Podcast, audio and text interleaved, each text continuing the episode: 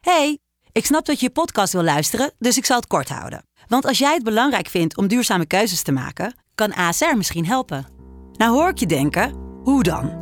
Nou, bijvoorbeeld bij het duurzaam herstellen van schade. Of de premies die we beleggen volgens ons duurzaam beleggingsbeleid. Dat bepaalt waar we wel en juist niet in investeren. Wil je meer weten over welke duurzame keuzes ASR maakt? Ga dan naar asr.nl slash duurzame keuzes. ASR doet het. Zo, dan kan je nu lekker naar je podcast luisteren. Dit is iets nieuws. Goedemorgen. Goedemorgen. Nou, leuk. Nou, hè, we Ja. hebben er echt zin in vandaag. De Queen is dood. Wat? De Queen is er niet. Amalia?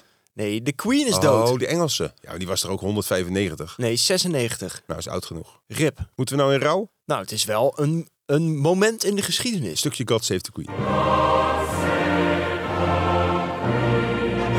Want Ik wil eventjes een eh, nabericht doen. We hebben het al eerder gehad over de F1 in Zandvoort. Hè, de Formule 1 race. Daar was eh, heel veel ongewenst gedrag. Eerst waren het de 15. Inmiddels loopt het al in de honderdtallen. Ja.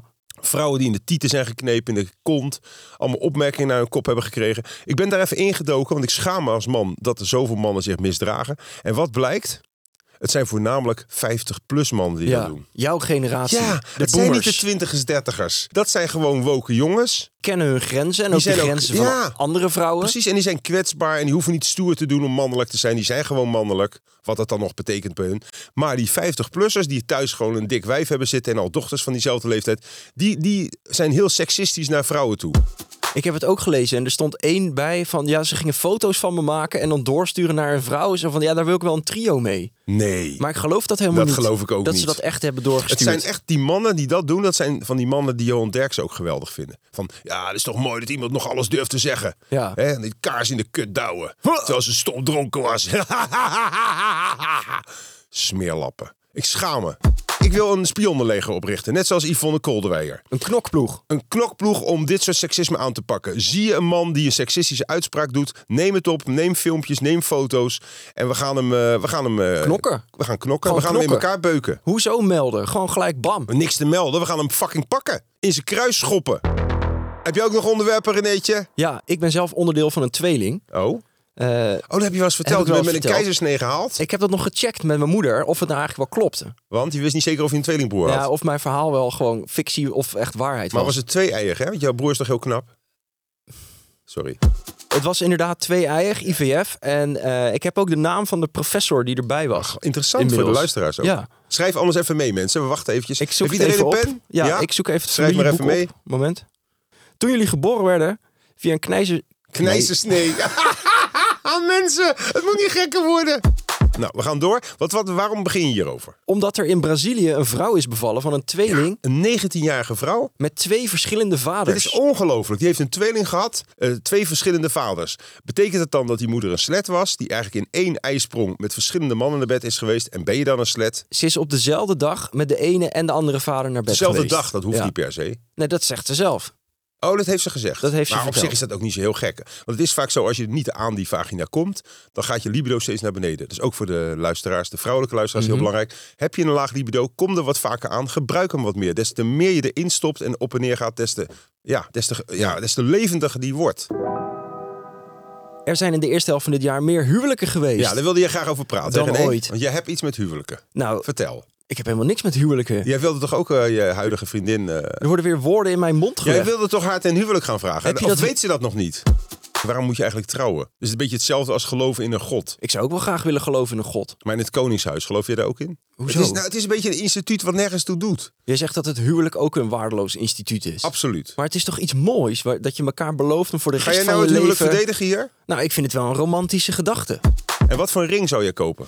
Een gouden. Ja, maar een dikke, want dat is vaak oh, tokkies en ordinaire en lager opgeleide mensen. Hoe dikker, hoe lager de, o- de opleiding, hoe dikker de ring. Dat is ook bij vrouwen, die, dat noem je toch ook, heeft toch ook een naam als ze van die hele grote oorbellen hebben. De bigger de O, de bigger de ho. Wat is de ho? Oh ja, dus hoe groter de hoer. Ja. Maar Dat vind ik weer raar, want w- d- waar komt dat vandaan? Van kampers weer. En daar zou je niet, ook niet over beginnen. Kampers dragen vaak hele grote oorbellen en piraten.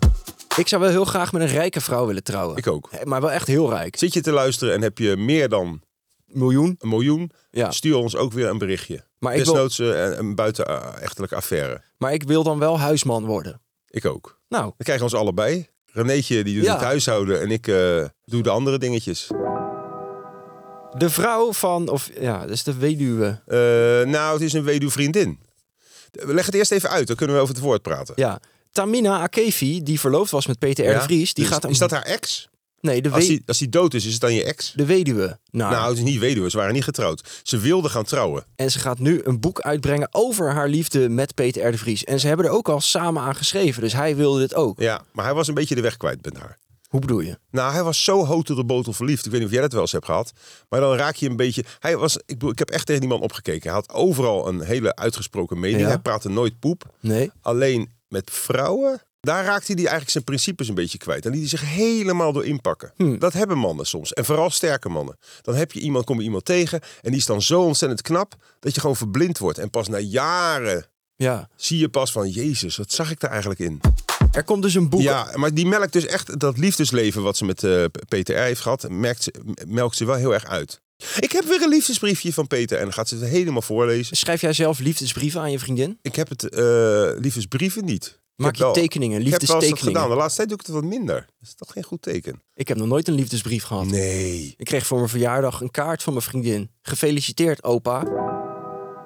De grootste renteverhoging ooit door de ECB, de Europese Centrale Bank, is in feite 0,75 procent. Historisch. Nog Maxime nooit... Bouwman, vertel, onze huiseconoom.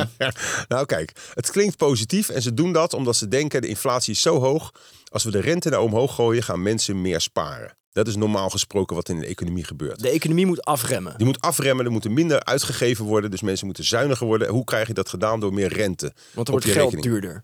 Geld wordt duurder en je hebt ook meer aan sparen. Dus Ja. mensen worden gestimuleerd. Maar dat werkt in dit geval helemaal niet. Want normaal zit het probleem in de hoeveelheid vraag die er is. Maar de- de vraag is gewoon hetzelfde gebleven. Het aanbod, daar zit het probleem. Door de oorlog, door de gas, door Poetin, al die shit. Maar in ieder geval, ik heb een onconventionele manier om de inflatie terug te dringen. Vertel. We moeten stoppen met kopen. Gewoon alles. Maar alles. Niks meer kopen. Niks meer kopen, maar ook helemaal niks meer. Wat gaan we eten dan? We gaan wijdbeens in de zon liggen en we laten de, het, de zon het werk op onze anus doen. Daar kan je prima van leven.